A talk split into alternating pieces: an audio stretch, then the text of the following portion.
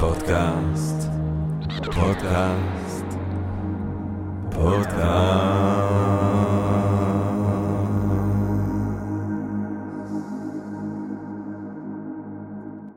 טוב, גבירותיי ורבותיי, ברוכות וברוכים הבאים לפודקאסט של Think and Ring Different, פודקאסט למי שאוהב לחשוב ולשתות. אני ג'רמי פוגל, ואנחנו רוצים קודם כל להודות ליקום, לעצם היש, לעצם הקוסמוס שמאפשר לנו להתקיים ולהיפגש כאן בפודקאסט שלנו, גבירותיי ורבותיי, למען הרחבת הדעת, למען הרחבת התודעה, למען העמקת הידע, למען אולי רגע אחד של השחרה, אולי איזשהו רעיון נשגב ככה באמצע היום, אולי איזשהו רגע של חסד תודעתי, אולי. אולי. אולי.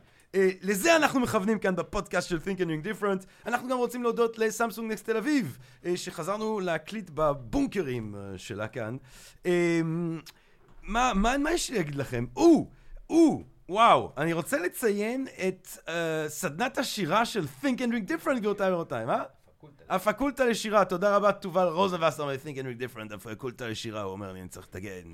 אה, זה בעצם עודד כרמלי מעורב שם, עודד כרמלי, גבירותיי ורבותיי, אוהבים את עודד כרמלי. ערן צור, לא סתם, ערן צור, רוני סומק, אה, פרופסור ניסים קלדרון, איה קורן, אפרת מישורי, רועי חסן, כל מי שרק אנשים נשגבים בתחום השירה, ומי שרוצה לבוא ולהתנסות וגם להיפגש עם אנשים שהם בקטע של שירה, ולקרוא שירים אחד של השני, ולהגיב עליהם, ולהפריח להפריח רוח בדבר היפה הזה. אה, תבדקו באתר של Think and Ring Different יחד עם כל שאר הדברים. אה, אה, הוא. אנחנו היום בעצם רוצים לדבר באיזשהו אופן על ערך, על ערכים באיזשהו אופן. אה, אומר ניטשה בהתחלה של הגנולוגיה של המוסר, אה, אנחנו לא יודעים את עצמנו. אנו היודעים, אנו את עצמנו, את עצמנו, ויש לזה סיבה מאוד טובה, הוא אומר. אנחנו בכלל לא חיפשנו את עצמנו. איפה שאוצרו של האדם, שם גם ליבו, הוא אומר. זאת אומרת, ניטשה בגנולוגיה שלהם מוסר מציע להבין את בני האדם לפי מה שהם באמת מעריכים. לפי המערכת הערכית שלהם אתה יכול להבין מיהו הבן אדם. זוהי דרך ניטשה חושב שהיא מאוד מעניינת לנסות לתפוס את הדבר הזה אה, האנושי. עכשיו כמובן שכשאנחנו חושבים על ערך אז כולנו מיד חושבים על כל מיני סוג של ערכים שאנשים מחזיקים בהם, ערכים מוסריים, ערכים דתיים אולי, ערכים לאומיים, אבל בתכלס אם אנחנו מסתכלים בגדול, יש עניין רב מאוד בקרב בני אדם בדבר הזה שנקרא כסף. כן, אם אנחנו באמת נבחן מה בני אדם מעריכים, אני חושב שסטטיסטית כסף נמצא שם איפשהו אה, בין הדברים המועדפים, באמת, בתכלס, בחיי היום-יום, מה שמנהל את ההחלטות של בני אדם ומכוון אותם בחיים שלהם. עכשיו, הדבר הזה שהוא כסף, שהוא דבר מרתק, מה זה כסף? מה זה כסף? איפה זה כסף? למה זה כסף? מה זה כסף? דבר מרתק, אה, עובר תהפוכה. אה, רדיקלית, יחד עם כל שאר בעצם התרבות והחברה האנושית, אה, הוא עובר את הדיגיטציה. יש את המפגש הזה, הממשק הזה בין כסף לדיגיטציה, אה, שאולי התופעה הבולטת ביותר שלו הוא הביטקוין, עליו אין לי שמץ של מושג. ועל כך אני מאוד שמח לנסות ולהתחיל להבין מהו הביטקוין. וכדי להבין מהו הביטקוין, אתם יודעים כאן, הקהל הקדוש שלנו ב-Think and Ring Different, מתוך כבוד והערכה לכם, אנחנו מביאים רק את הכי טובים. אה, כמעט, כמעט, כמעט רק את הכי טובים. אה, הפעם אבל באמת, הפעם באמת הבאנו את הבן אדם המתאים ביותר, הנכון ביותר, המעניין ביותר, העמוק ביותר על הנושא הזה. כמובן אני מדבר על דייל שלו, אה, שתמונתו היפה מתנוססת מעל הרב-מכר, אה, אה, הרב-מכר ביטקוין והעתיד הכלכלי שלך. בום, תכך. אה, הספר הזה יסדר לכם את העתיד הכלכלי. אני מאוד מקווה שאתה תסדר לי את העתיד הכלכלי שלי בשעה הקרובה. על כל פנים, דייל הוא יזם הייטק בעל חברות תוכנה שעוסקות או שעוסקת בסליקה בחברות בינלאומיות, הוא מרצה פופולרי, מחבר רבי מכר, בלוגר, כן, כמר קדמוני, הוא כתב את הסוד הקדמוני. טוב, לא נפתח את זה, אני מעדיף שלא יגלו את הסוד איפשהו. אני גם לא יודע עד כמה אני בעד הסוד, אבל היי, זה דיון שהיה לנו פה לפני הזה. אה, אה, אני בטוח שבסגנון, שזה, שזה הדבר הכי טוב שאפשר בסגנונו, גם אם אני לא מסכים איתו. אני מעריך את ה... ביטקוין והעתיד הכלכלי שלך, ובעוד חודש, או פחות מחודש בעצם, בעוד שבועיים, משהו כזה, אם אנחנו חושבים. תחילת יולי. הולך לצאת הרומן הראשון של אה, דייל שלו, שאת שמו הוא עדיין לא חושף. למרות שזה מאוד מאוד מסקרן. אז אני אשמח כן אה, שתחשוף לי אותו אה, ברגע שיהיה אפשר. דאל שלו, כל, תראו, הוא איש רב פעלים. איש רב פעלים, מלא באנרגיה, שומר על כושר. חייב לומר שהוא קצת מבייש אותנו כאן, את תובל רוזנבסר ואני, שאנחנו לא בדיוק נראים במיטבנו אחרי שנת הקורונה, כנראה. אה, אז דאל שלו, אם אתם רוצים לעקוב אחרי הדברים שהוא עושה, מעבר למה שכבר אמרתי, לכו לדאלשלו.קום. בדיוק. אה, ששם יש לנו את כל הדברים כולם. דאל שלו, שלום רב. ערב טוב, ערב טוב. ערב טוב, דאל. טוב, תקשיב, אה, אני, אם כבר יצא לך אולי לשמוע את הפודקאסט שלנו, אנחנו כאן, אה, די, אנחנו כאן לא, לא, לא רוצים להסתפק בקשקשת הזאת שלי. די עם הקשקשת. מספיק, מספיק, מספיק, מספיק. בוא נתקוף ישר בווריד הצוואר. ואני אתחל, אני אשאל אותך את השאלה המתבקשת. אה, דאל שלו, מהו ביטקוין? שאלה מצוינת. Uh, התשובה, uh, אני, אני, אני לפעמים, היום uh, חשבתי על ביטקוין, כי אמרתי לעצמי, בטח תשאל אותי, מה זה ביטקוין? Mm. אמרתי לעצמי, פעם ראשונה נתתי לעצמי תשובה קצת שונה, אמרתי לעצמי, זה קצת כמו ציור אורשך. Uh, ביטקוין זה כמו ציור אורשך. Mm. כל אחד מסתכל עליו, רואה משהו אחר. אה, יש אנשים שאומרים, אני רואה שם רק פירמידה, איזה סכם כזה, לגנוב לאנשים את הכסף. יש אנשים אחרים אומרים, אני רואה שם טכנולוגיה עילית, בלוקצ'יין, כל מיני דברים אה, נפלאים. אה, אנשים אחרים אומרים, זה כלי לפושעים בכלל. Hmm. אבל אני חושב שבאמת, אם אני מנסה להגיד מה זה ביטקוין בצורה מאוד קצרה, זה כלי לחירות. Hmm. ביטקוין הוא לא יותר ולא פחות מאשר כלי לחירות אישית, לחירות הפרט. עזוב רגע איך הפרטים, איך הוא עושה את זה, אה, איך זה בדיוק עובד. לרגע בוא נשים את זה בצד, לא מעניין. במהותו, הסיבה שהוא בא לעולם, הבשורה, אם תרצה, שהוא מביא איתו, זה ערך שאומר, אתה, הפרט, מקבל שליטה בחזרה. Hmm. למה? איך, איך, איך עם הכסף שיש לי, עם המעט יחסית כסף שיש לי בבנק, היה בעצם בביטקוין, הייתי יותר חופשי? כדי, כדי להבין, אנחנו, כסף מקיף את החיים שלנו, בוא נגיד ככה. מה, כן. מהרגע שאנחנו נולדים, הכסף מקיף את החיים שלנו. בכל מקום שבו נפנה, אנחנו מתמודדים עם, אה, עם סוגיות של כסף, בין אם נאהב את זה ובין אם לא. Mm. הרבה מאיתנו לא אוהבים את זה, Mm. הרבה מאיתנו סוגדים לכסף. Mm. אה, כך או אחרת, הוא מקיף את החיים שלנו ואי אפשר לברוח מזה. אנחנו מעט מאוד פעמים עוצרים לשאול את עצמנו, אבל מה זה כסף Mm. בכלל? אנחנו, אנחנו, אנ- כן. בדיוק, אנחנו מתמודדים עם, ה, עם הדבר הזה כל הזמן, אבל אנחנו, אנחנו רוצים לה, לאגור ממנו יותר, אנחנו רוצים שיהיה לנו יותר, אנחנו רוצים לקנות לנו כל מיני דברים יפים שלא מביאים לנו בסוף אשר, אבל מה זה כסף? או, אנחנו אף פעם לא עוצרים, כי אף פעם לא לימדו אותנו, וגם זה משהו חמקמק כזה, ומשהו ש...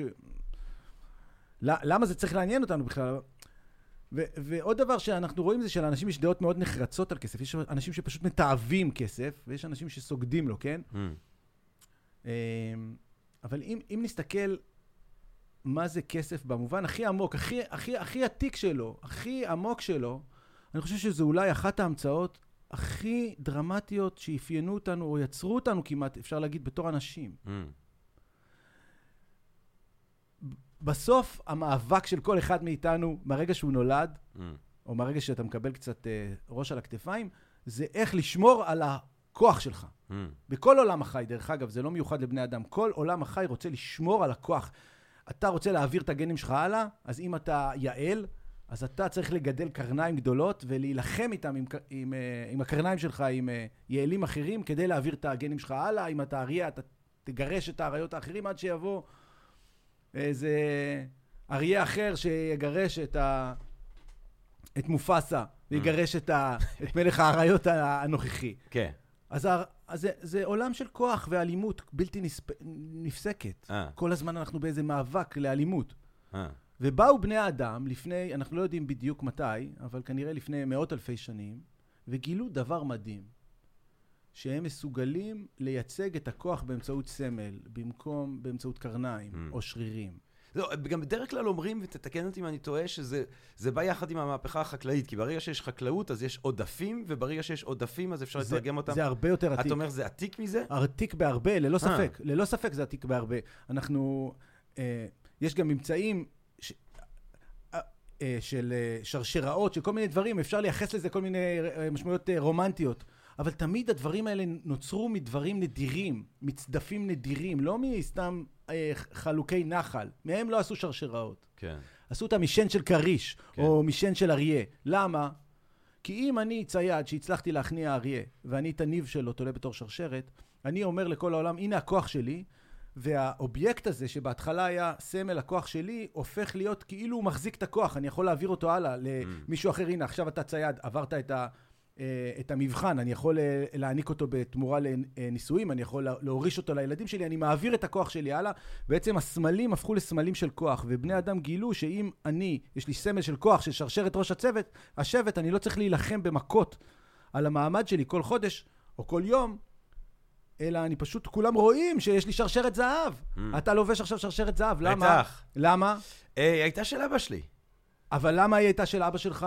כי הוא למה? קיבל אותה מסבתא שלי. אה, אבל שרשרת זהב אה, בעצם משמשת את אותו תפקיד בדיוק שהיו שרשראות התופרים של פעם, שאומרת, אני, זהב זה משהו שלא מתגלגל על האדמה. צריך כן. הרבה כוח, הרבה כן. אנרגיה כדי להשיג אותו. אתה צריך להיות בעל עוצמה, בעל, או ששדדת אותו ממישהו, או שיש לך אדמות, או שאתה בן אדם בעל עוצמה. ראפרים הולכים עם שרשרות זהב מוגזמות, כי הם בעלי עוצמה. כן. הזהב מעיד על עצמו, מעיד על עצמו כל הזמן, הנה העוצמה שלי.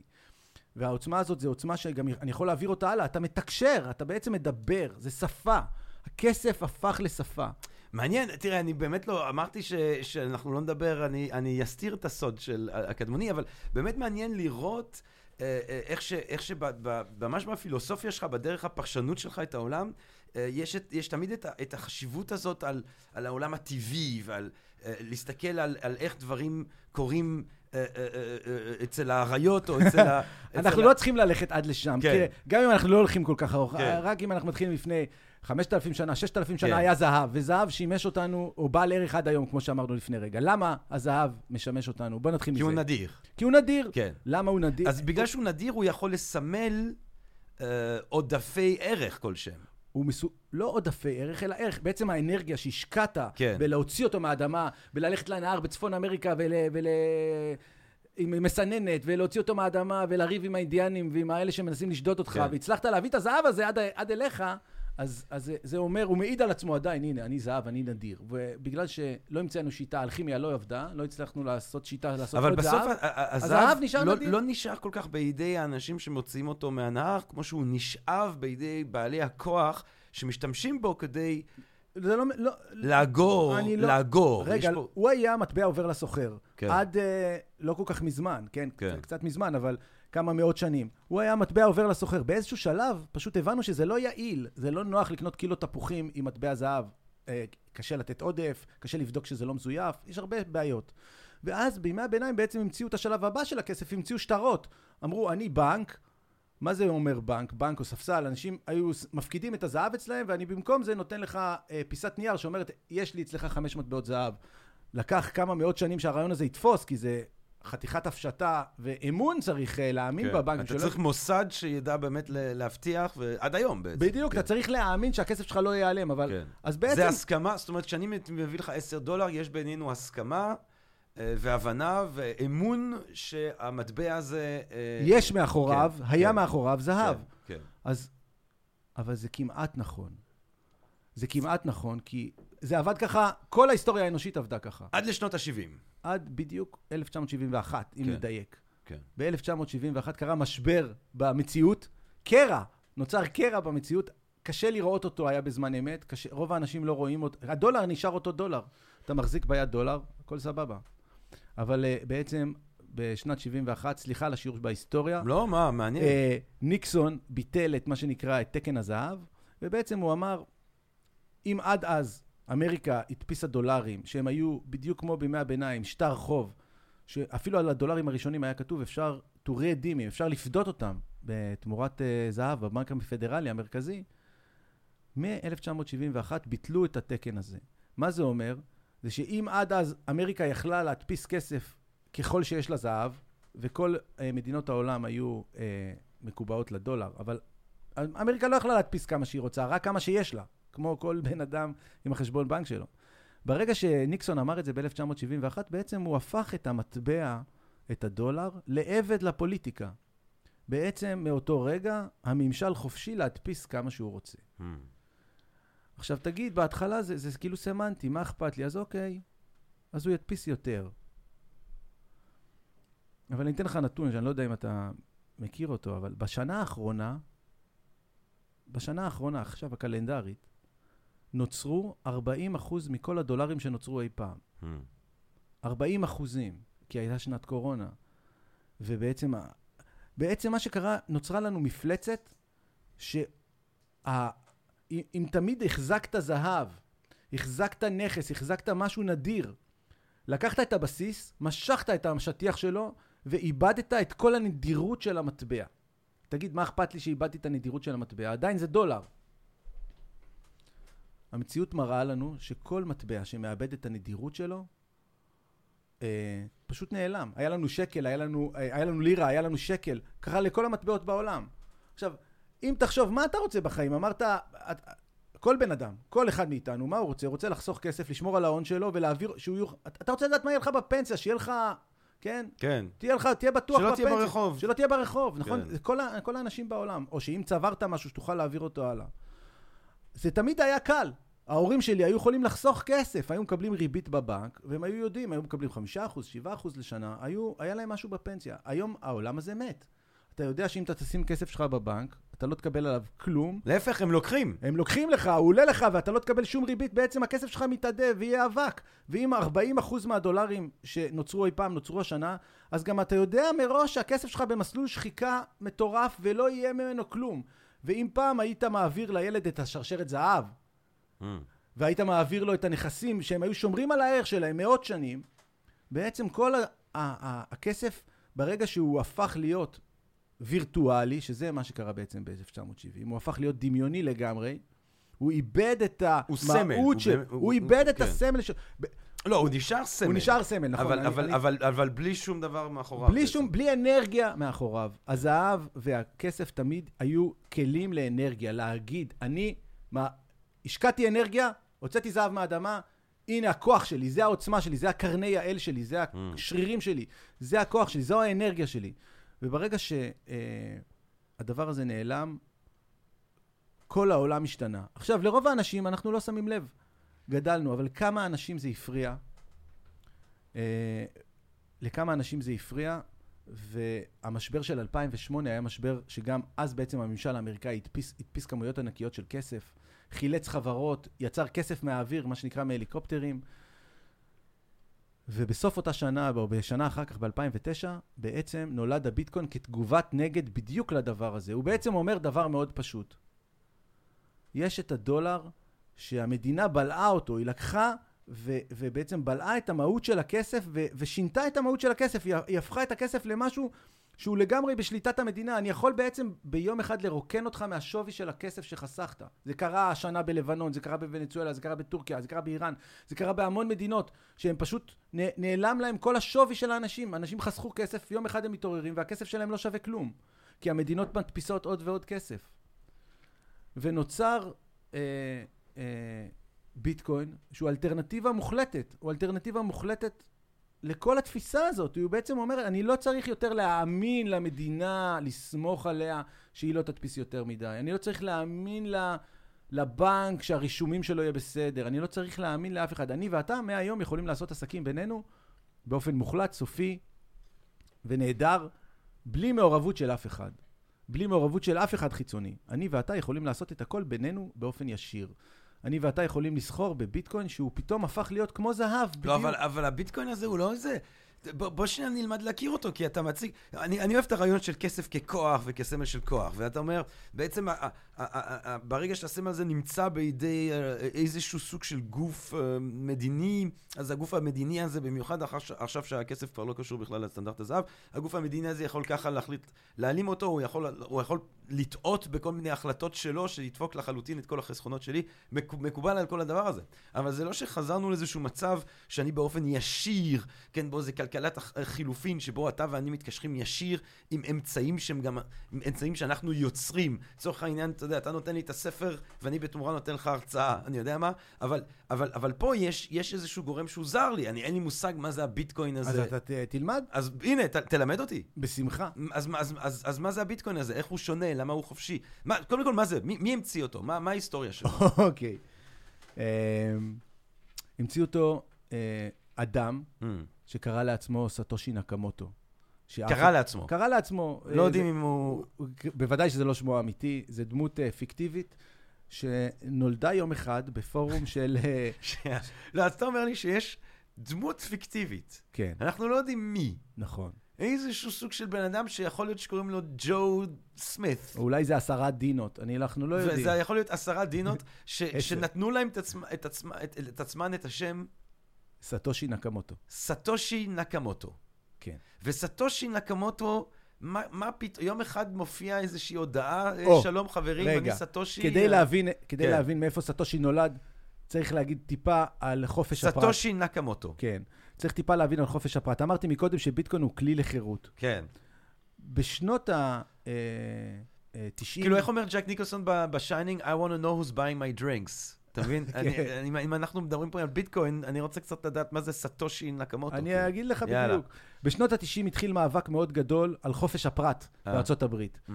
התחיל האינטרנט, הממשל אמר, אה, קלינטון הוציא צו נשיאותי, כל מרכזיות הטלפוניה שהתחילו לעבור ל-IP, אני יהיה להם, יהיה לי האקינג אליהם, ל-NSA, לרשות האמריקאית, ויוכלו לדעת, ו... כי הם אמרו, זה נורא מסוכן, אנשים אה, יעבירו מידע על איך עושים פצצות באינטרנט אחד עם השני, ואנחנו חייבים, אה, אינטרנט זה חשוב, אבל אנחנו, ה-National Security יותר חשוב. נשמע קצת מוכר הדיבור הזה, אבל זה מה שהיה. והיה צו נשיאותי כזה. ואז נוצרה מלחמה של אנשים שקראו לעצמם cypherpunk יסטים, cypherpunk, שהם אמרו, אנחנו רוצים להגן על חופש הפרט באמצעות טכנולוגיה, באמצעות הצפנה, אנחנו נגן, שאנחנו, חופש הפרט זה הדבר, חופש הדיבור זה הדבר הכי חשוב. אנחנו רוצים חופש דיבור. ומה זה חופש דיבור אם לא חופש כספי? כי להגיד כל מיני מילים זה יפה, אבל אם אתה לא, אם, יש, אם אני רק נותן לך לדבר, אבל אתה לא יכול לבצע, נגיד, אתה יכול לתמוך בקומוניסטים, ולהגיד עד מחר שאתה תומך בקומוניסטים, אבל אם אתה לא יכול להעביר אליהם תרומה, כי הממשל האמריקאי ישר יישב לך על הראש, אז איזה חופש דיבור יש לך? זה לא שווה כלום. אז הסייפר פנקיסטים ניסו לש... לבנות כסף דיגיטלי כדי להגן על חופש הפרט. משהו שהממשל לא יוכל לסגור, משהו שיאפשר לך באמת חופש דיבור אמיתי, חירות אמיתית, בלי Mm. קשר אם זה טוב או לא טוב. Mm. זה מה שהם ניסו. Mm. היה מאבק מאוד גדול, הממשל הפסיד בבית משפט העליון, ו- והיה הרבה התגלגלות של כל מיני גרסאות של כסף דיגיטלי כזה וזה, שום דבר מזה לא הצליח. זה היה כל מיני ניסיונות שלא הצליחו. Mm. ואז יום אחד, בסוף 2009, אה, בסוף 2008 בעצם, אה, ב-2009 התחיל הביטקוין בעצמו, הופיע אימייל בקבוצת אה, ה cypherpunk, היה להם קבוצת מייל כזה, והוא אמר, מישהו שקרא לעצמו סטושי נקמוטו, והוא כתב אימייל מאוד קצר של איזה חמש שורות, שלום, לאחרונה עבדתי על מערכת חדשה של אה, מטבע דיגיטלי שלא דורשת אמון מאף צד שלישי. כתבתי מסמך שמתאר מה זה, קוראים לזה white paper, בבקשה תסתכלו. תשעה עמודים, התשעה עמודים האלה אני ממליץ לכל אחד לקרוא, Mm. מלאכת מחשבת של... כן, זה קריא? זה זה נגיש? זה, זה, זה קצת טכני בחלקו, כן. אבל זה זאת תשעה... אומרת, אתה זה- איש מחשב... זאת אומרת, אני- נכון, אתה יודע, אתה- נכון, נכון. אתה...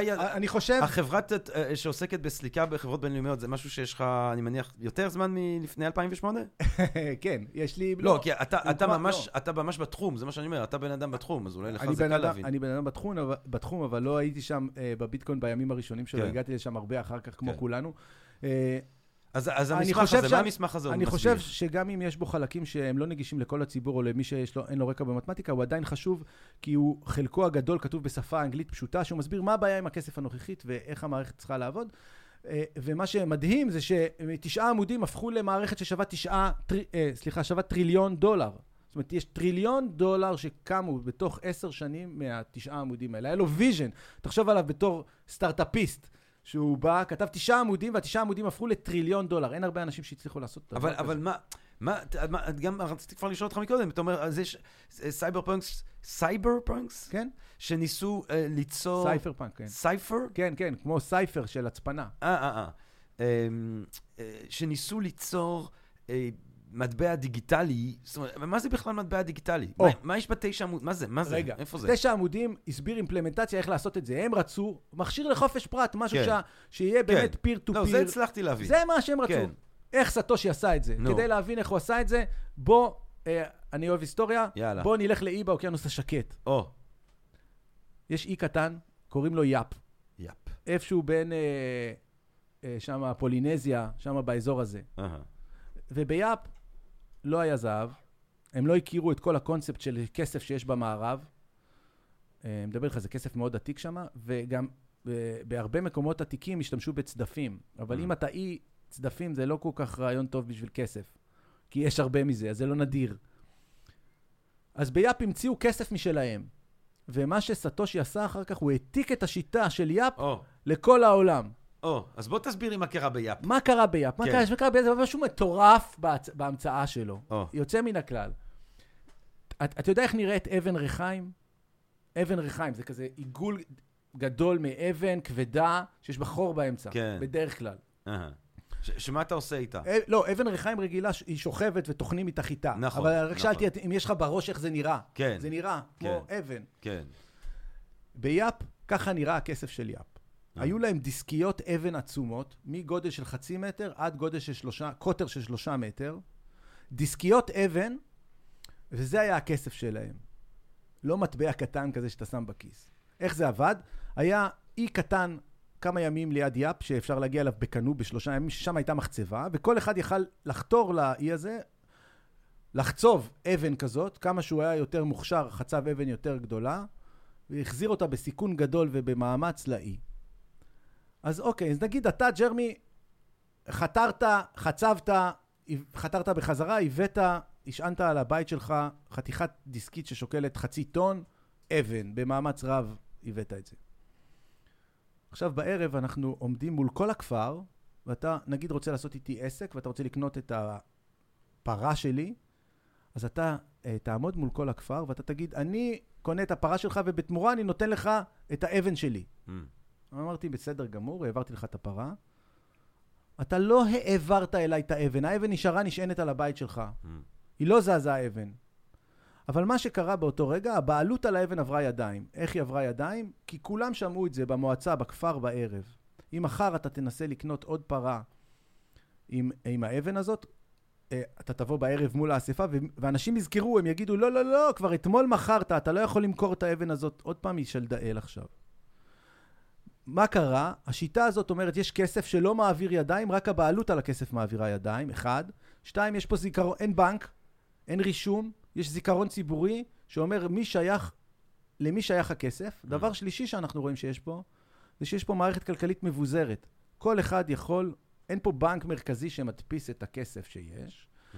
אלא אה, כל אחד יכול להדפיס אותו. ודבר רביעי שאנחנו רואים שהכסף הוא עדיין נדיר, כי המחצבה, זה קשה לה, לה, להגיע לשם ולהביא, זה אי אחר, אז אין אינפלציה, כי זה פשוט לא פרקטי, אחרת, אה, בגלל, בגלל זה הם לא עשו את ה, מן הסתם את המחצבה על אותו אי. Mm.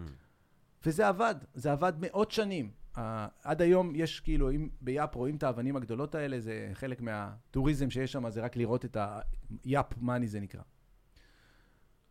בא סטושי נקמוטו ועשה בדיוק את זה, אבל בדיגיטל, אבל באינטרנט. איך זה קורה? קודם כל, אספה זה קל. אנחנו מבינים שבמקום אספה של כפר אפשר לעשות אספה באינטרנט. פשוט יש דבר כזה, שהוא אה, ספר ציבורי של כל העסקאות, וכל אחד יכול להוריד את כל ספר העסקאות של הביטקוין. זאת אומרת, כולם מקשיבים לספר, להיסטוריה של הביטקוין, אתה יכול לעשות את זה גם, בבית שלך אפילו, יש 11,000 צמתים כאלה היום בעולם, אז כולם יודעים כמה יש, ואם אצלך ואצלך ואצל אה, תובל כתוב שיש לי אה, ביטקוין, אז כנראה שיש לי ביטקוין. אי אפשר להתווכח עם זה. אני לא צריך לסמוך על אף גוף אחד, על אף בנק, אוקיי?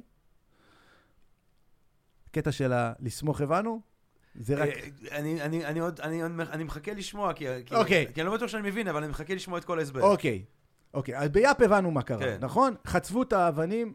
מה שהוא עשה, סטושי, הוא עשה לזה לא- אני לא דיגיטציה. לגמרי מבין. רגע, אז אני אסביר. גם לגבי יאפ, אני קניתי, גם- היו- פרות? אה, טוב, לא משנה. מה זה משנה מה לא קנית? קנית. בית. לא, אני קניתי, אני קניתי את הפרה, האבן אצלי, אבל עכשיו היא שלך, נכון. הבעלות על האבן היא שלך. נכון, למח- למחרת אתה רוצה לקנות עז, אוקיי. שזה עולה פחות מהפרה. אה, אז יש גם אבנים יותר קטנות, כן. אפשר לעשות עסקאות אוקיי, כאלה. ואז, ו- אבל בסדר, אבל אני מבין את העיקרון של האמון נמצא בידי הקהילה. זה אני האמון- מאוד מבין. יפה. האמון נמצא בידי אז קודם הקהילה. כל האמון פה אצלנו בביטקוין הוא באינטר- הוא בקהילה אותו דבר. אבל איזה קהילה? אין פה קהילה, יש פה כל מיני אמריקאים, יש פה איזה סטושי נקמוטי, שאני, לא, נקמוטו, שאני לא יודע מי הוא, סטושי, אני לא יודע מי הוא בכלל. הוא לא רלוונטי יש כבר. מלא אנשים באינטרנט שאני לא סומך עליהם. יפה. א- איפה האמון יפה, פה? יפה. אה, סטושי בנה מערכת, אה, אתה יודע, הרבה אנשים אמרו, שמעתי מאיזה אחד אה, פרופסור אה, ישראלי שאמר לי שאם היו צריכים לחלק, אז אה, פרס נובל, אז סטושי היה צריך לקבל פרס נובל גם במדעי המחשב וגם בכלכלה. כי הוא בעצם הצליח לחבר שני דברים שלא קשורים אחד לשני, תורת המשחקים ומדעי המחשב. ביטקוין באופן מאוד פשוט, אני אגיד את זה, וזה, וזה באמת, אני, אני אגיד, לפני שאני אסביר, אני אגיד עוד מילה אחת. זה חתיכת המצאה שלא דומה לכלום. כל המצאה אנחנו מבינים, אתה יודע, יש טלפון חכם, זה לא נראה כמו הטלפון שהיינו ילדים עם החוגה וה... נכון. והאפרכסת, אבל אנחנו מבינים, זה אותו דבר, זה עושה את אותה פונקציה, קל כן. לנו להבין, יש אפילו ספרות, פה יש כן, ספרות, אוקיי, כן. הצורה קצת השתנתה. בכסף, הביטקוין עשה קפיצה כל כך גדולה, שקשה לנו להבין את זה. זה לא אוטו, זה לא כרכרה לרכב, רכב לרכב חשמלי, רכב חשמלי לקורקינט. זה פשוט קפיצה מאוד גדולה קדימה, ולכן אין מה לעשות, יש פה איזה, איזה מחסום, מחסום ש, שקשה לעבור אותו. אה, אני אנסה, בלי מאמץ גדול מדי, אה, אתה יודע, לתת לך פוש קטן, תן, שתעבור תן אותו. פוש, תן פוש. דחוף, בכל הכוח. אתה זוכר שאמרנו שכסף צריך להיות אנרגיה, כמה השקענו כדי, כן. כמו האבן ביאפ, שקראו אותה איפשהו. כן. אז אותו דבר, כדי לייצר ביטקוין, צריך לעשות מאמץ. אהה. אפשר, יש דרך מתמטית שאומרת, אני יכול להוכיח שהשקעתי מאמץ אה, מסוים, יש חידה, כן? שקשה לפתור אותה, היא חידה דינמית, ופשוט צריך להשקיע הרבה חשמל או הרבה אנרגיה כדי להצליח לפתור אותה. הראשון שפותר אותה זוכה בכסף, אוקיי? הוא עשה משחק. כן. הוא עשה משחק. Mm. יש ביטקוין על השולחן, Mm. הראשון שמוצא את הפתרון של החידה, מקבל את הביטקוין, אוקיי? רוצה להשתתף? עכשיו אני אומר, יש כזה חידה, כל עשר דקות יש כזאת, באמת, גם Mm. עכשיו. Mm. כל מי שזוכה אה, מקבל 6 ביטקוין נקודה 25. אתה רוצה, זה שווה, כמה זה? 300 אלף דולר? בערך כרגע, אפילו קצת יותר. אתה תרצה לקבל 300 אלף דולר, נכון? בשמחה. אז uh, סטושי אמר, אין שום בעיה. כל מי שרוצה יקבל את השישה ביטקוין האלה, 6.25 כרגע. הוא רק צריך, כדי לעשות את זה, אתה צריך לקחת את המחשב שלך, ותחשוב, אני אעשה את זה רגע ידנית, כאילו אתה לחצת, יש לך פונקציה שאומרת, אה, ש, ש, פונקציה שאתה מכניס למספר, היא נותנת לך תשובה. Mm. אתה לא יודע מה תהיה התשובה, אבל אתה יודע מה, איזה מספר הכנסת. וכל פעם שתכניס אותו מספר, תקבל את אותה תשובה. אם התשובה מתחילה במלא אפסים, ניצחת. כרגע זה 18 אפסים. עשית פעם אחת, אין סיכוי שזה יקרה. זה מספר של 64 ספרות, מה הסיכוי שהוא יתחיל ב-18 אפסים במקרה? אז הוא אומר לך, אין בעיה, קח את אותו מספר, תוסיף לו אחד, תנסה עוד פעם. קח עוד פעם, תעשה... עד ש... הראשון שמצליח. עכשיו, זה נראה משחק מה דבילי. מה, לא עשית שום חשיבה, לא פיצחת את האטום. אתה רק הרצת את אותה פונקציה הרבה פעמים. נכון. הוא אומר, אין בעיה. אבל אני ככה יודע שהתאמצת באמת, אתה לא זכית במקרה בכסף, אתה השקעת, אתה מאמין במטבע הזה, השקעת חשמל, השקעת מחשב, השקעת זמן, כדי להצליח לפתור את זה. וזה הבסיס הראשון. ברגע שהוא פיצח את הדבר הזה, הוא אומר, הוא פיצח מה? זאת אומרת, הוא הגיע, הוא, הוא כאילו התגלה מספר מסוים? לא, המספר עצמו לא משנה, כן. הפונקציה יכולה להיות איזה פונקציה שאתה רוצה. בעצם זה נקרא הוכחת עבודה, דרך אגב, זה לא המצאה שלו, זה המצאה של מישהו אחר, אבל הוא השתמש בה. יש דבר שנקרא הוכחת עבודה, אני מוכיח שאתה, כדי לק- להשתתף ברשת, אתה צריך להתאמץ. להאמין ברשת, אתה משקיע אנרגיה ואז אתה יכול לקבל reward. הצד השני של זה, זה אמרנו, אני רוצה לעשות עסקאות ישירות אחד עם השני. אה, זה מבוצע על ידי דבר שנקרא בלוקצ'יין, אה, שבעצם כל העסקאות שקורות, כמו בכפר, כל העסקאות שקרו באותו ערב מספרות לכל הקהל, אז כל העסקאות שקרו אה, בעשר דקות האחרונות, בביטקוין זה עובד בצעדים של עשר דקות, הוא פועם הלב שלו בפעימות של עשר דקות, אז כל מה שקרה בעשר דקות האחרונות משודר לרשת של האינטרנט. תחשוב שיש לנו ספר עם כל מה שקרה בעשר דקות האחרונות, ועל הספר הזה אנחנו צריכים למצוא את אותו מספר, אוקיי? זה, מה זה מבטיח? זה מבטיח שה... מה שקרה בעשר דקות האחרונות, בגלל שכל כך קשה למצוא מספר כזה זוכה, עם Mm. הרבה מאוד, היום זה טריליונים של ניסיונות עד שהפונקציה מוצאת, אי אפשר לשנות את ההיסטוריה. אה, אז בעצם הביטקוין הוא, כל העסקאות שנוצרו אי פעם ביאפ, לצורך העניין הווירטואלי שלנו בביטקוין, מאז הביטקוין הראשון עד היום, כולם כתובות באותו ספר, והספר הזה נגיש לכל אחד בעולם. וכל אחד יכול להשתתף במשחק הזה, או משחק במרכאות. אבל, אבל תכלס, שבן אדם כמוני, שאתה יודע, היכולת שלי במחשב לא מאוד התקדמו מאז שכאילו היה דיסקטים באמת. אמ, איך, לצערי, אני אומר, אה, איך... אה, איך איך אני אתה מבין? כן, איך אני אני קונה, אגיד לך- איפה- אני מחזיק, איפה אני הולך ואני קונה ואיפה אני- זה נמצא. הספר הזה, אני לא אבין, אני לא... זה אני נראה לי- אגיד, עזוב כן. ספר. לא, הדבר הזה הרשום, האימון, יכול- איפה נכון, תכלס אני... יכול, כן. יכול להיות, יכול להיות, ש, יכול להיות ש, שגם זה, אולי לא היינו צריכים להתחיל בזה, כי זה באמת לרוב האנשים too much information. לא, אבל אני, לא, אני- אני- אין אצלי too much אני- אני information. אסביר למה זה כן. too much information. אתה לא יודע איך כרטיס אשראי עובד, באמת. אתה רק יודע שאתה מקרב אותו למכונה, היום מקרבים אותו, אפילו לא כן. מחליקים אותו, זה עובד, סבבה, מה אכפת. לך כמה... כמה מכונות יושבות מאחורה ומתקתקות, מה הן מתקתקות נכון, כדי אין לי שהכסף... שמץ לא מעניין מושג, אותך. אין לי מושג. למה זה לא מעניין אותך? זה מעניין, אבל אין לי מושג, אבל זה מעניין. זה אולי מעניין כן. חלק מהאנשים, כל אחד והסטייה שלו, אבל אתה... זה לא מעניין אותך במובן הזה, כי כבר עבר מספיק זמן, ואתה יודע שלא, שזה עובד וזה כן. בסדר. כן. אני חושב שכבר בביטקוין היום, אתה יכול להגיד את זה לעצמך. היום אה, עברו 11 שנים, 12 שנים, סליחה, מאז שהוא עלה לאוויר, אה, ללא תקלות, הוא עובד 24 על 7, ומחזיקים בו מיליארדים. הוא שווה יותר מטריליון דולר, זה כבר לא משחק של כמה גיקים באיזה מערה. זאת אומרת, אז- אתה אז אומר אתה לי שבעצם הביטקוין, רגע, אם אני מבין אותך. נכון, הביטקוין זה בעצם, אה, סטושי נקמוטו יוצר איזשהו סוג. של משהו... רשת מוניטרית נדיר, חדשה, שיש בו נדירה, נדירות. בדיוק. כן, כן, כן. עכשיו, כן. זה רשת או זה איזשהו סוג של זה תופעה זה דיגיטלית? רשת, זה רשת מוניטרית. לצורך העניין, היא- אבל המספר, המספר הזה שאני מוצא, הפונקציה שבסוף מגיעה למספר עם ה-18 אפסים. הפונקציה לא מעניינת, אפשר לשנות אותה מחר. זה רק הסכמה בין כל השחקנים, איך לגרום למערכת לעבוד, איזה, איזושהי פונקציה. אבל בסוף הביטקוין עצמו, אין דבר כזה, שאני, הביטקוין עצמו הוא לא איזה ישות, הוא לא איזה תמונה, כן. הוא פשוט בעלות. הבעלות על, יש ביטקוינים ויש רק בעלות על הביטקוינים, אוקיי? אתה, האבן, האבן של יאפ הייתה פעם בכזה, יש סיפור אמיתי, שמישהו הביא את האבן והיא נפלה בשונית קצת לפני האי. אבל הוא עדיין השתמש בה, הוא קנה איתה פרות, היא הייתה בים, היא נפלה, אוקיי? אז מה זה משנה אם, איך האבן נראית או איפה היא נמצאת? רק הבעלות עליה. כן. אז אותו דבר, ואז הביטקוין... נגיד, אם אני, אם אני קניתי את הפרה, והאבן שנמצאת אצלי היא שלך, ואז אתה קונה פרה עם האבן הזאת, אז נכון. היא פשוט מטיילת בכל הכפר. אם, כאילו. בדיוק, היא מטיילת בכל העולם בלי שהיא זזה, זה כמו המסמך גוגל דוק שלך. הוא כן. ב- נמצא, ב- איפה כן. הוא נמצא? הוא לא אצלך על המחשב, כן. Mm, נכון? כן. אה, אולי זו לא דוגמה כל כך טובה, אבל אה, אה, נכון, רק הבעלות זזה. אז אוקיי, בוא נעזוב את הטכנולוגיה, כן. כי כן, כן. אני חושב שזה נחמד וזה למי שזה מדליק אותו. אבל עכשיו, אנחנו מאז סטושי נקמוטו, אנחנו עדיין לא יודעים מי הוא. אנחנו לא יודעים, האמריקאים עשו ניסיונות גדולים מאוד לדעת מי זה, אה, וגם יש עוד דבר מעניין. בגלל שהוא היה הראשון שהשתמש ברשת, הוא צבר הרבה מאוד ביטקוינים. כי גם בהתחלה היה reward, מה שנקרא, הכמה ביטקוינים שמקבלים כל 10 דקות, זה היה 50 כל 10 דקות, אחר כך אה. זה ירד ל-25, אחר כך זה 12 וחצי, עכשיו זה 6.25. כל 4 שנים יורד קצב הקריאה, יורד קצב ההנפקה כי של זה, כי, הביטקוין. כי, כי זה מוגבל, אין, אין סוף נכון, ביטקוינים. כי יש בסך הכל 21 מיליון מטבעות, או יהיו בעוד 140 שנה בערך 21 מיליון מטבעות ביטקוין, כשכבר 18.5 מיליון מתוכם קיימים. זאת אומרת, Mm. יש פונקציה שהולכת, והנדירות הולכת ועולה. מעניין. הנדירות הולכת, היום הוא כבר יותר, הוא נדיר כמו זהב, בעוד אה, שלוש שנים הוא יהיה הרבה יותר, פי שתיים יותר נדיר מזהב, אחר כך הוא יהיה ממש ממש ממש ממש נדיר. וזה אחת הסיבות שאנחנו רואים את העלייה המטורפת במחיר שלו. כי בסוף אנשים מבינים מה זה דבר נדיר, וכשמשהו נדיר, הוא תמיד מקבל ערך. אתה לא יכול לחשוב על משהו נדיר שאין לו ערך. משהו נדיר מקבל ערך, ובדרך כלל הערך הוא פונקציה ישירה לנדירות. אבל עם כל הכבוד לנדירות הזאת, מה בעצם מבדיל אה, את, את הביטקוין בין כל שאר הקריפטו קרנסיס שהגיעו? דודג'קוין, את'ריום, כל ההרפתקאות זו הללו. שאלה נפלאה, כי אתה אומר, הוא לא, הוא לא באמת נדיר. אני יכול, אתה יכול לקחת את הקוד של הביטקוין, זה קוד פתוח, ולעשות לו איפון ולעשות ג'רמי קוין מחר. כן, את אותו קוד בדיוק. כן, אתה, אתה, זה קוד פתוח, אז מה מפריע לך לעשות עוד מטבע כזה? כן, אותו דבר. כן. אז איפה הנדירות? פשוט צריך שהרבה אנשים ירצו להשתתף במשחק.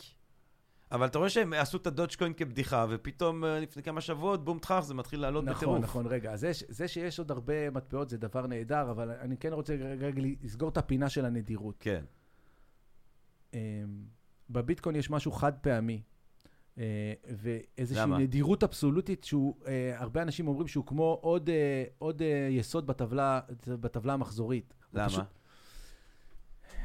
למה? זו שאלה טובה. אני חושב שיש כמה גורמים שקרו ביחד. העובדה שסטושי נקמוטו הוא אניגמה, הוא, הוא צל. Mm. העובדה שהוא עזב את הפרויקט אחרי שנה. העובדה שהוא... ב- היום גם אם תרצה... הוא, היא, הם, הם. כן, בדיוק, כן. הן. אה, שהוא...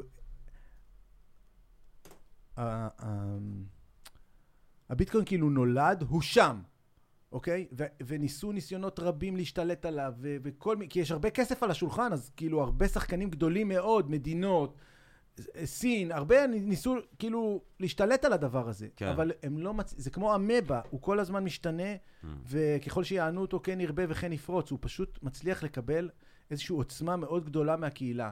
והדבר הזה הוא חד פעמי. אי אפשר, זה כמו שעכשיו אני אגיד, אוקיי, בוא אה, תפתח בגראז' איזשהו... אה,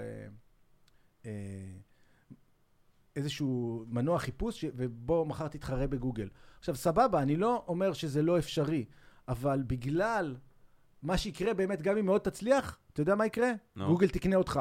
Mm. גוגל לא תקנה יודע, אותך. תראה, פעם היה את יהו, יהו נכון. פעם זה היה גוגל. יפה. הדבר הנחמד והמאוד אה, מעניין אה, בביטקוין זה שני דברים. אחד זה רשת, זה לא רק אה, אה, טכנולוגיה שעומדת בפני עצמה, זה רשת של משתמשים. זה רשת של משתמשים ששמו שם את ההון שלהם ואת הכסף שלהם.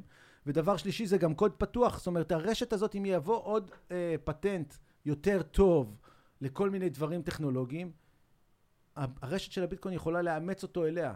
וזה גם קורה כל הזמן, היא כל הזמן משתנה. Mm. היא כל הזמן משתנה. אז יש חלק מהמטבעות, זה כמו איזה טסט-בד כזה. זה אז, אז, מה, אז. מה באמת מבדיל, זאת אומרת, למה דודג'קוין זה כאילו משהו שהוא בדיחה והזייתי ו- ו- ו- ובולשיט כאילו. והוסל וזה, וביטקוין לא. מה ההבדל בעצם? בדיוק, אני אגיד לך. ואת'ריום וכל שאר. ה- כן. התחלנו במה ההבדל, אולי לא אמרתי את זה בצורה מאוד ברורה, אבל מה ההבדל בין הדולר לביטקוין? Mm. הדולר היא מערכת פתוחה, אה, אה, ריכוזית ונוזלת. היא ריכוזית כי בעצם יש נגיד שיושב עם עצמו בחדר ויוצא ואומר ככה וככה הריבית, אה, וזה משפיע על הפנסיות של כולם, והוא אומר כמה כסף נדפיס השבוע והוא מדפיס טריליונים. אז המערכת הזאת היא ריכוזית לחלוטין, Mm. והיא נוזלת, האנרגיה נוזלת, הכסף שלך, האנרגיה שלו נוזלת. תחשוב, Mm. אם לקחת עשרת אלפים שקל, חיסכון שיש לך, ושמת מתחת לכרית, תחכה איתם לפנסיה, יישאר מהם אבק, Mm. אוקיי? מערכת ריכוזית ואינסופית בהיצע הכסף. Mm. אינסופית, היא לא נדירה, ולכן היא כל הזמן נוזלת אנרגיה. Mm. האלטרנטיבה אליה זה ביטקוין, שהיא מערכת שהיא לגמרי מבוזרת, אין אף אחד ששולט, גם אם סטושי עכשיו יבוא באורות ובתומים יוכיח לנו שזה הוא, אף אחד לא, הוא לא רלוונטי כבר, כאילו בעצם זה קוד של הקהילה, אה, היא מבוזרת והיא סופית. אני יודע, הוא הוא נדיר באופן מוחלט, הוא נדיר באופן מוחלט. אז זה שתי גישות, תפיסות עולם. הדודג'קוין במקרה הזה, הוא מטבע עם אספקה אינסופית של כסף, אפשר להדפיס, מדפיסים ממנו גם כמה שרוצים, והוא לא מבוזר, או בוא נגיד, אפשר להתווכח על זה, כן, אבל זה לא, זה לא גם אה, מוגבל לדודג'קוין במידה מסוימת? אולי עוד... למיטב ידיעתי, אה. לא. אוקיי. והוא גם לא מבוזר, מה שנקרא, אה, שיש מישהו, יש שחקן שקובע את הכללים, ואז מישהו יכול לאכול אותך. Mm. אם יש שחקן שקובע את הכללים, אה, או שהמדינה תסגור אותו, או שהוא יסגור אותך. Mm. אה, אז לכן המטבעות האחרים, אה, בואו בוא נשים אותם רגע בצד, אה, כאילו אפשר לדבר עליהם בכיף. אה, זאת אומרת, אבל אתה אומר, אבל אני אין אף מטבע אחר שעושה את מה שביטקוין עושה. תראה, אני אגיד לך ככה. או פשוט הוא לא מגיע למצב של גוגל. לא, לא, לב... אז גוגל יש משתמשים. בגוגל כן. ופייסבוק יש משתמשים, כן. אוקיי? ואתה תעזוב אותו בשנייה בלי למצמץ, ברגע. שיהיה לך משהו יותר טוב שייתן לך ערך. Mm. בביטקוין, וזה דבר מאוד אה, משונה קצת, יש מאמינים. לא משתמשים רק. לא כל המשתמשים הם מאמינים, אבל יש הרבה מאוד מאמינים. אני לא יודע להגיד אם זה קאט או לא קאט, אתה יודע, ההבדל בין קאט לדת זה רק בסקייל, זה רק Mm. כמה מאמינים יש. וביטקוין התחיל בתור איזשהו שיגעון אבל של יש כמה באמת, אם אנשים. יש מספיק אנשים שיש ביניהם הסכמה לגבי הדבר הזה. כמהווה סמל יודע, אותנטי למה שכינית כוח מקודם, אז זה, זה, זה מטבע עובד בתנאים האלה, אז, אז יש כמות האנשים, שמוכנים לשחק את המשחק הזה. הם, הם לא סתם, הם, הם שמים את הכסף שלהם, והם קוראים לזה הודל. Mm. הודל, אני לא יודע אם אתה מכיר את הביטוי הזה בעולם של הביטקוין, זה לא הולד, Mm. זה סיכול אותיות של המילה Mm. הולד. התחיל מאיזשהו אה, בדיחה באינטרנט, מישהו שיכור כתב, אני מחזיק, והוא טעה, הוא כתב הודל במקום הולד, וזה הפך להיות מטבע לשון אה, של הביטקוינרים, שאומר, אני מחזיק את המטבע, אני מחזיק אותו, לא מעניין אותי מה המחיר בדולר.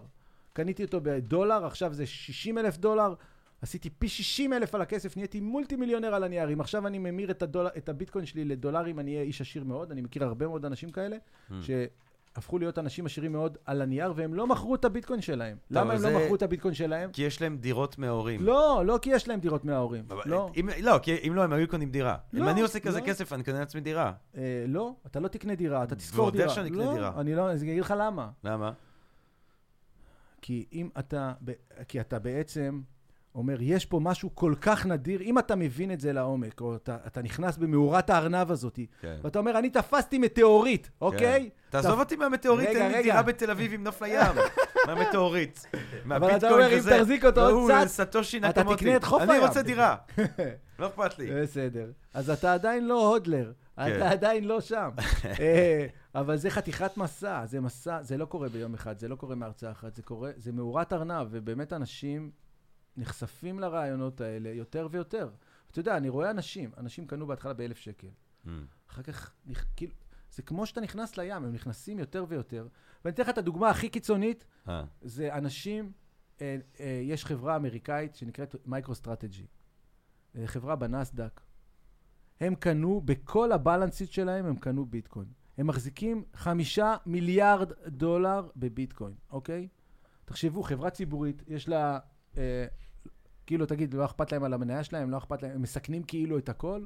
אתה שומע את המנכ"ל שלהם, והוא קונה כל הזמן, הוא קנה לפני שבוע, הם קונים כל הזמן, זה לא מעניין אותו. הוא אומר, "כל- הדולר ימות, הדולר הולך לשום מקום. דרך אגב, הוא לא אומר את זה סתם אה, מתיאוריה. כשאתה מסתכל על מה קורה באמת בעולם היום, ודולר זה ה-reserve currency של העולם, האם במצב הגיאופוליטי, במצב של מה שקורה עם הדפסה בלתי פוסקת, האם הדולר יישאר ה-reserve currency של העולם תמיד? מי נותן לך גידור? מה נותן לך גידור? נגיד ככה, נגיד שאתה מנהל את הסיכונים של העולם עכשיו. mm. אוקיי? זאת אומרת, האם יכול להיות שאמריקה תאבד את הכוח שלה, ההגמוני בעולם, שכל הנפט נקבע בדולר והכל, זה כאילו שאלה נורא גדולה. מה, כמה אחוזים אתה נותן לתסריט הזה? 1 אחוז? 2 אחוז? 0 אחוז? כאילו, יש, זה יותר מאפס, נכון? זה יותר מאפס. זה הרבה יותר מאפס. אתה רואה מה קורה? סין אמרו את זה, ב- שר החוץ של סין אמר את זה במילים מפורשות לפני חודש. אנחנו לא רוצים שהדולר יהיה יותר ה-Global Reserve Currency. רוסיה אותו דבר. אוקיי, מה יקרה? בנק ישראל, כל היתרות שלו הוא מחזיק בדולרים. Mm. מה יקרה אם הדולר יאבד את המעמד שלו כ-Global Reserve Currency? מה יקרה לכל המטבעות שנשענים עליו? Mm. כאילו, אוקיי, אז תגיד, נגיד אני נותן לסיכוי הזה 2 אחוז. נגיד, סתם כן. אני אומר. האם את- אולי זה יכול גם להיות 0.2, אבל סבבה, כאילו. סתם אני אמרתי את זה עכשיו. כן. תחליט אתה, יש אנשים שמשוכנעים שזה 90 אחוז. כן, זה רק מעניין. אה, זה רק מעניין. עניין של זמן. Mm. אז האם יש לך גידור כנגד הדבר הזה? כאילו, אפשר להסתכל על הביטקוין גם ככה. אני עכשיו בנית, מסתכל על איזשהו נכס, שהוא לגמרי לא תלוי בשיטה המסורתית, והוא נותן לך, כאילו, מה שיפה זה ברגע שאתה מחזיק אותו, אף אחד לא יכול לקחת לך אותו, אף אחד לא יכול לחלט אותו. אמרתי לך, חופש מוחלט, אני יכול לבוא אליך עם כל הצבאות העולם, ואני... זה עדיין יישאר שלך. אוקיי, אז אוקיי. תקשיב, אתה מתחיל לשכנע אותי כאן. אני לא בטוח, תראה, בוא נגיד את זה ככה, זה, זה, זה מרתק אותי אה, תמיד, השאלה הזאת, מה זה כסף, איך זה עובד, איך זה מתפקד, זה, זה כל כך מופשט מצד אחד וכל כך ארצי ומוחשי מצד שני גם יחד. זה נושא מרתק, וזה נושא שהוא, שהוא, שהוא, שהוא לי לפחות, הוא מאוד, הוא מאוד מורכב to get my, to get my head around, אמ, אבל אה, מה, מה, אני מתחיל להרגיש, אני מתחיל להתרגש כאן. תובל, אני מתחיל להרגיש שאני חייב לקנות ביטקוין. עכשיו, דחוף. עכשיו, איך אני עושה את זה? איך אני עושה את זה? לא, אני לא רוצה גם להגיד, לה- לה- להטות את הקהל. על אחריותכם, Not a הקהל financial הקדוש. advice. אה? כן, או כמו שאומרים, not a financial advice. כן, זה הוא, אה, אני? כן. לא, לא, באמת. אבל איפה, איפה, איך אני עכשיו, אוקיי, יאללה, שכנעת אותי, אני היום בערב רוצה לקנות ביטקוין, איך אני עושה את זה? איך אני עושה את זה? קודם כל אני אזהיר אותך במשהו. לא. ביטקוין לא, זה... נשאל אותך לא, בעוד לא, לא, רגע אם אני- כדאי לי לקנות. לא, לא, בלי קשר אם כדאי או לא כן. כדאי. אני אגיד משהו שלא קשור כן, לכדאיות. אני אגיד ביטקוין נו. זה מסע אל הפחד. וואו. זה מסע אל זה הפחד. דווקא מרגש אותי. עכשיו, אתה אני, מדבר אני, עם הבן אני אדם אומר הלא את זה, נכון. אני אומר את זה במובן, אולי צריך להתחיל מזה. אני אומר את זה במובן הכי, אה, כאילו, אני הכי מתכוון לזה. אה. כל בן אדם Mhm. שנכנס לזה, הולך להתמודד עם הפחדים שלו בצורה מאוד חיובית. זה לא כמו להיכנס לבורסה. וואי, זה אני אגיד לך למה. אה, אני אגיד לך למה. אה, זה שנתן לי לא, את לא. ה... זה- זה- כן, זה. נשמע קצת... תיקח את אה, הצפרדע. אוקיי. כן. זה מסע אל הפחד, כי ברגע שאתה מחליט לשים חלק מההון שלך שם, בביטקוין, אהה. תראה, אם זה הון זניח, אז אולי אתה תשכח מזה. אבל אם זה, נגיד, לא זניח, אהה.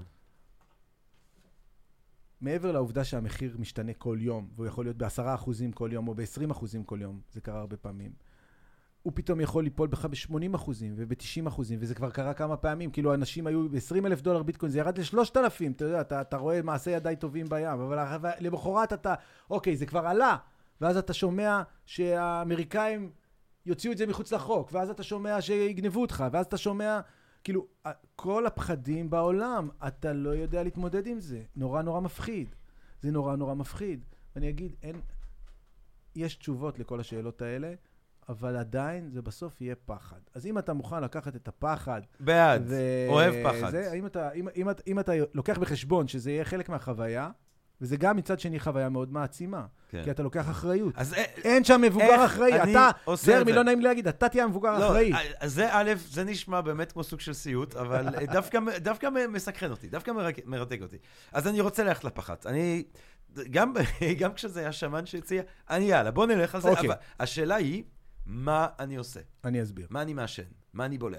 מאוד פשוט. כן, אמרנו מקודם, זה מכשיר לחירות הפרט, אז כל האחריות היא אצלך. יאללה, אז אתה הופך להיות הבנק של עצמך. מעולה. מה קורה בבנק? בבנק יש לך את הכסף, יש לך איזה פקיד, הוא חומת המגן בינך לבין הכסף שלך. הוא לא ייתן לך למשוך אותו בלי שתיתן לו סיבות טובות, בלי שתציג לו תעודת זהות, ואם שכחת את הסיסמה שלך, הוא ינפיק לך חדשה, איכשהו, אחרי שתוכיח לו שזה אתה באותות ובמופתים. בביטקוין אתה הבנק. זאת אומרת, אם שכחת את הסיסמה, אתה תבוא לעצמך לשאול איפה הסיסמה, אוקיי? אה, יש את הסיפור המפורסם עם ההוא שיש לו 240 כן, מיליון, והוא מחפש הוא כבר במזבלה. עשה שמונה, לא יודע כמה. ועכשיו נשארו לו עוד שני אפשרויות. אה, זה עם ו- הדיסק המוצפן. כן. כן, שמעתי כל מיני, זה לא יודע הצליח לסבך את עצמו ככה, אבל באופן מאוד פשוט, יש לך ארנק. ארנק זה, אה, להבדיל מארנק רגיל שמחזיקים בו כסף, בארנק ביטקוין מחזיקים את המפתחות. זה כמו מתלה מפתחות, כן, כמו מחזיק מפתחות. אוקיי. אז יש לך מפתח לביטקוין, מי שיש לו המפתח, יש את הכסף, זה כאילו המפתח שיכול להיכנס לך לכספת, זה המפתח. אה. הארנק מחזיק בסך הכל את המפתח. ואיזה אתרים הם רגע. האתרים שדרכם אני יוצר לעצמי ארנק? אז אתה, ארנק היא תוכנה, היא לא אתר, אתה. לא עושה את זה באתר. אהה. בדרך כלל יש גם אתרים, יש גם אתרים שנותנים לך אה, שירות. אתר, שירות כזה, אני לא, אני לא ממליץ על זה, כי אתה צריך לסמוך על מישהו, אתה לא רוצה לסמוך על אף אחד. כן. אתה מוריד ארנק אליך למחשב, או אליך לטלפון, אהה. או שקונה device שנקרא ארנק חומרה, זה לא כל כך משנה, כאילו זה משנה, תלוי בסכומים, אבל זה אותו, אותו דבר בסוף. בסוף הארנק הזה מייצר בתוכו איזשהו מפתח. המפתח זה, זה סיסמה סודית וארוכה, שאתה לא, יכול, לא רואה אותה אף פעם ולא זוכר אותה, לא מעניין אותך. אבל כל הארנקים יש להם דבר משותף. יש להם 12 או 24 מילים שהם מראים לך בהתחלה כשאתה יוצר אותם. הורדת זה כאילו 12 או 24 מילים. אם תשמור את ה-24 מילים האלה, תמיד הכסף יהיה שלך. גם אם הארנק, הט- הטלפון ימות, גם אם החברה שעשתה את התוכנה של הארנק הזה לא תהיה יותר, תמיד הכסף הזה יהיה שלך. זה כמו, ה-24 האלה מילים זה ייצוג של איזו סיסמה מאוד מאוד ארוכה, לא כל כך משנה איך זה עובד, או 12 מילים. ואתה צריך לשמור את ה-12 מילים האלה. אם אתה כותב אותם על דף נייר, מעתיק אותם על עוד דף נייר, שומר אחד בבית, אחד בכספת, או מחלק את זה באיזשהו אופן, או לא משנה איך, הכסף שלך יהיה תמיד אצלך. זה יחסית פשוט, אי אפשר Mm. לגנוב את זה, ואי אפשר לפרוץ את זה. תראה, אני יכול לבוא. אליך עם רובה לראש ולהגיד, תן לי את ה-24 מילים. נכון, אתה יכול לנסות לעשות את זה. גם זה יותר קשה ממה שנדמה. זאת אומרת, אפשר, כי- כמובן שאפשר גם לעשות את זה עם כרטיסי אשראי או המזומן שלך. לא, זה לא, אני, אגיד, אני אגיד למה שוד הוא אה, לא כל כך אה, רעיון טוב. א', הוא לא, הוא לא רעיון כן. טוב באופן כללי, אבל אה, למי שיש אה, סכומים יותר גדולים, אה, יכול להגן גם על זה. אפשר לעשות מה שנקרא שתי, שתי, ש- שתי חתימות כדי להעביר את הכסף, אפשר לעשות נעילה, שייקח זמן, כל מיני דברים למתקדמים. עזוב, בוא נשים את זה רגע בצד. כן. מי שנורא מעניין אותו, אפשר גם את זה לעשות מנגנון כזה. כאילו, אתה יכול להיות כספת, העומק של הכספת ומספר ה- השומרים והמנעולים זה החלטה שלך. אתה יכול לעשות אה, כאילו כספת שאתה שם את המפתח מתחת ל- לשט... לשטיחון, כן. וזה כנראה יעבוד לרוב הזמן, ואם אין לך דברים יקרים בבית זה בסדר. אבל אם אתה אה, פורט נוקס, אז אתה תשים אה, חתיכת אה, חומת, חומת אש, חומה בצורה לפני זה. אז זה יהיה תלוי בכמה כסף אתה מחזיק שם בביטקוין שלך, אבל ב, או ב, ב, בכספת הזאת שאתה בונה אותה. אבל באופן פשוט אני אגיד שכל בן אדם יכול להחזיק אה, בצורה די פשוטה ארנק, בלי להסתבך, בלי להיות מומחה טכנולוגיה. פעם אחת אתה רושם את ה-12 מילים האלה, וזהו, מאותו רגע יש, אתה מוריד לאפליקציה, אה, וזהו, זה די פשוט. זה, זה לא, זה פשוט מאוד. אתה, אתה יודע, כולנו יודעים לסרוק QR קוד, ככה מעבירים כסף. אתה Mm. סורק QR קוד, Mm. הנה, ג'רמי, בבקשה, אתה רוצה ביטקוין, טאק, שלחתי לך, קיבלת, תוך, מיד באותו רגע אתה רואה את זה אצלך בחשבון וזהו. מאוד פשוט. אנחנו כולנו התרגלנו לזה, ואנחנו מתרגלים לזה מכל האפליקציות שהיום אנחנו משלמים באוטובוס ככה. אותו דבר בדיוק זה, רק מאחורה רץ, אה, רק מאחורה רץ ביטקוין, אבל זהו, זה, במובן הזה זה פשוט. דייל שלו, מרתק, אני, אנחנו לאט לאט אה, צריכים לסיים כאן, אבל אני רוצה לשאול אותך, אני הולך לשאול, אני, אתה יודע, חלק מה בפודקאסט הזה, זה שכאילו אנשים נתקעים איתי לשעה, ואז אני יכול פשוט להכריח אותם לשאול, לענות על שאלות גם אם הם לא הכי מרגישים איתם בנוח. בשמחה. ואני פשוט הולך לזרוק לך שאלה, ואני רוצה שתענה לי. ואני יודע ש-No Financial Advisor או כן Financial Advisor, אני רוצה לשאול אותך, דייל שלו, האם אני, והאם הקהל הקדוש שמאזין לנו, אתה אומר לנו לקנות ביטקוין. לא להתבלבל, לא לחשוב פעמיים, כדאי לכם בעשור הקרוב, בחמש שנים הקרובים, בעשרים שנה הקרובות, זה משהו שלא, אה, שלא, שלא תתחרטו עליו. אני אענה לך בשתי תשובות. יאללה, אני מקשיב. התשובה הראשונה זה שאני המלצתי גם לאבא שלי לקנות, או, אה, ואני ממליץ אה, לחברים שלי ולמשפחה שלי לקנות. או.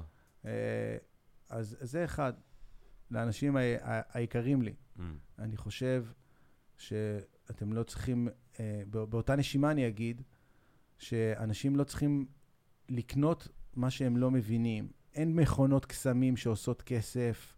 אין, אה, זה לא שיש לי איזה מספר סודי שאני אומר לך, תסרוק 32 אדום ברולטה, יוצא בליינד יוצא. אני לא אומר את זה. אני אומר, יש פה אה, מכשיר מדהים שרק מתחיל לצמוח, שתופס תאוצה, אנחנו לא דיברנו על, על, על כמה, שפייפל עכשיו מאפשרת את זה, וויזה מאפשרת, וכולי וכולי.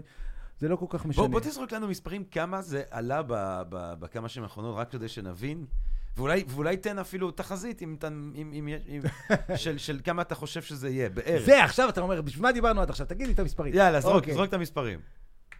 ביטקוין התחיל שהוא שווה אה, מעט מאוד. העסקה הראשונה בביטקוין נו. הייתה עסקה שבחור בשם לנזו אה, רצה פיצה, והוא אמר, אתם יודעים מה? הוא כתב בפורום בארה"ב ב-2010, אני מוכן לשלם עשרת אלפים ביטקוין, עשרת אלפים ביטקוין למי שנותן לי אה, פיצה, בא לי שתי פאפה ג'ונס. ונסגרה עסקה. זה הארוחה היקרה בהיסטוריה, ג'רמי. אה, עשרת אלפים ביטקוין שווים היום 600 מיליון דולר. יואו!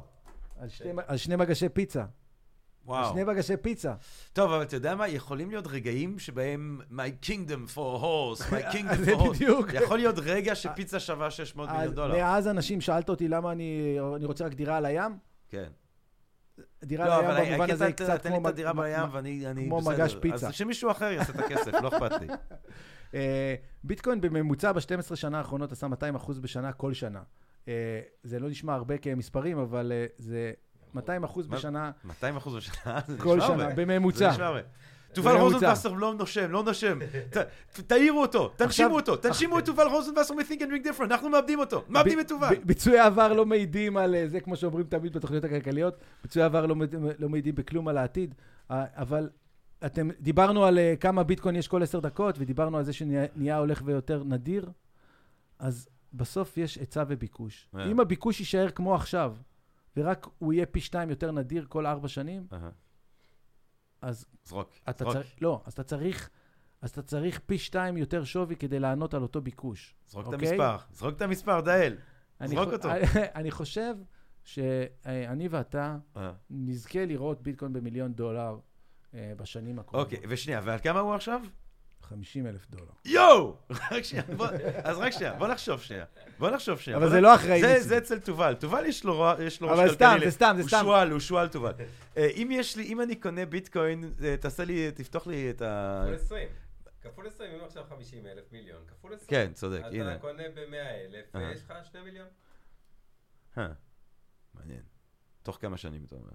אני, תשמע, אני לא יודע, אולי זה ייקח עשר שנים. טוב, אני, שנייה, אז אולי זה ייקח 15 קודם שנה, כל, לפני ואולי זה לא יקרה שאנחנו... אף פעם. טוב, זה לא יפה, אבל אולי לפני שנשדר את הפרק הזה, נקנה את הביטקוין ואז נשדר אותו, כי, אתה יודע, כי אולי כל... אבל לא, אני מפרגן לקהל הקדוש. אני לא רוצה להרוויח על פני הקהל הקהל הקדוש של תשמע, זה. תוריד ארנק, אני אשלח לך דולר ביטקוין, אין בעיה. מה אתה אומר? כמה זה אוקיי. שווה? דולר, אני, worth of אה, דולר. וואי, דולר, דולר, אתה משולח לי דולר. אני אוריד אני ארנק. נדיב, אני העץ הנדיב היום.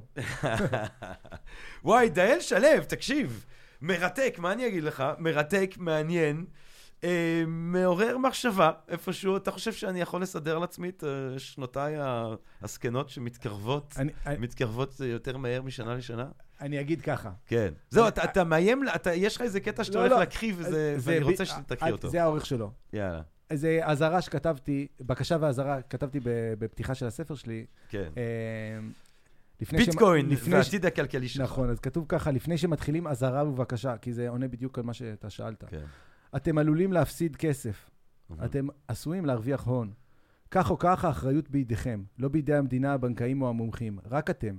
קחו אחריות. מניסיון, זו תחושה נהדרת.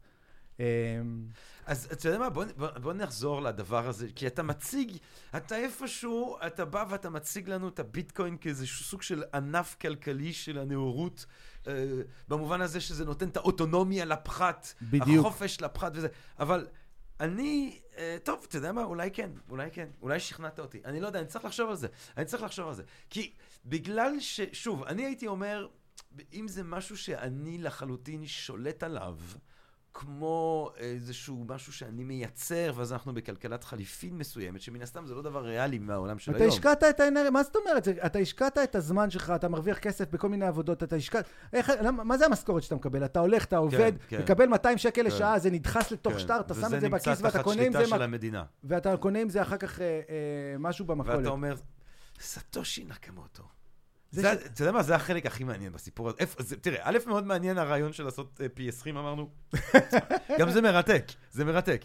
ובכלל, אתה אמרת. הרבה דברים מעניינים, אבל, סטושי נקמוטו, זה מעניין אותי מאוד. סטושי נקמוטו, אני אספר לך את הדבר הכי מטורף על סטושי אה. נקמוטו. סטושי נקמוטו. סטושי נקמוטו יש לו בערך מיליון ביטקוינים. בין מיליון למיליון וחצי ביטקוין. תחשוב כמה זה בכסף, כאילו הוא יכול להיות אחד האנשים העשירים בעולם היום. וואלה.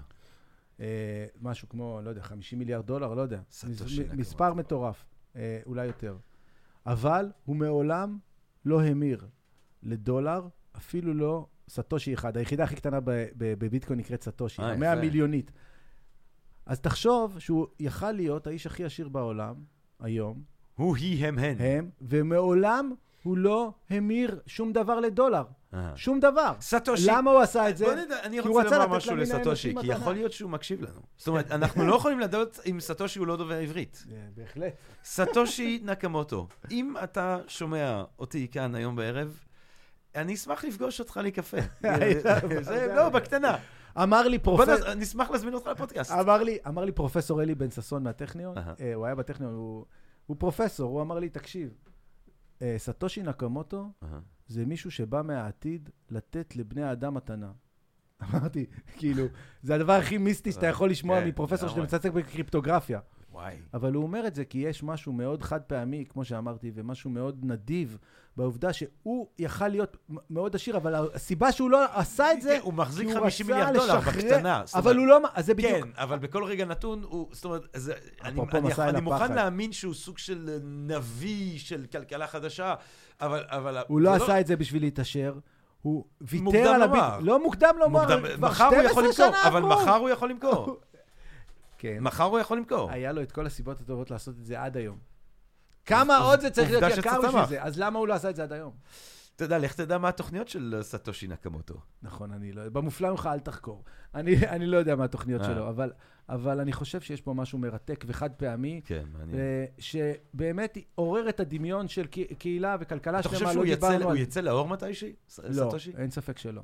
זהו, אתה אין אומר, ספק שלא. אין ספק שלא.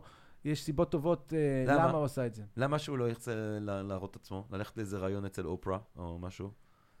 מה מה אכפת לו? בעצם. סטושי רצה אה, ליצור אמון במטבע, והוא ידע שמטבע לעולם לא יוכל לקבל אמון מוחלט, אתה, שתתייחס אליו כמו זהב, שיש לו באמת פנים מאחוריו של מישהו שאפשר לשים אותו בכלא, או אפשר שיקרה לו משהו, או שהוא כזה או שהוא כזה. זה משהו שהוא לגמרי, זה חלק מהחד פעמיות הזאת. יש פה ממש מין יצירה חדשה שנוצרה יתומה, כי, כאילו נולד, כן, אה, לידת בתולין No כזאת. authorship. אה? No authorship. No authorship. כן. כן, אין אוסרשיפ. הוא, הוא. ויתר על הקרדיט. מעניין מאוד מאוד מאוד. טוב, אז לביטקוין אין authorship, אבל אה, ביטקוין והעתיד הכלכלי שלך, יש authorship, ואנחנו עומדים פה לנוכחותו. דאל שלו, תודה רבה רבה רבה לך, היה מרתק ומעניין מאוד. גם לי היה אה, כיף. אה, ושוב, לכל מי שרוצה לשמוע ולראות עוד דברים אה, אה, אה, אה, אה, ובפעילות הענפה של דאל, דאלשלו.com. אני מקווה מאוד, הקהל הקדוש שלנו, שאולי הרבה מהם יחליטו לקנות ביטקוין, ואגב, ואם אתם מתבאסים אז אתם יודעים איפה למצוא את דאל, כאילו. אין אה, שום בעיה, בשמחה. אמנם, כן. אז אה, אה, תודה רבה לך דאל, ותודה רבה לכם, הקהל הקדוש שלנו כאן ב-Think and Make Different, אני מקווה מאוד שנהנתם מהפרק הזה, ומהפחקים הרבים והטובים, אני מקווה, שכבר הקלטנו, וכאלה שבעזרת השם נמשיך ונקליט. תודה רבה, כל טוב, רק בריאות, ונשתמע. פודקאסט, פודקאסט, אותם.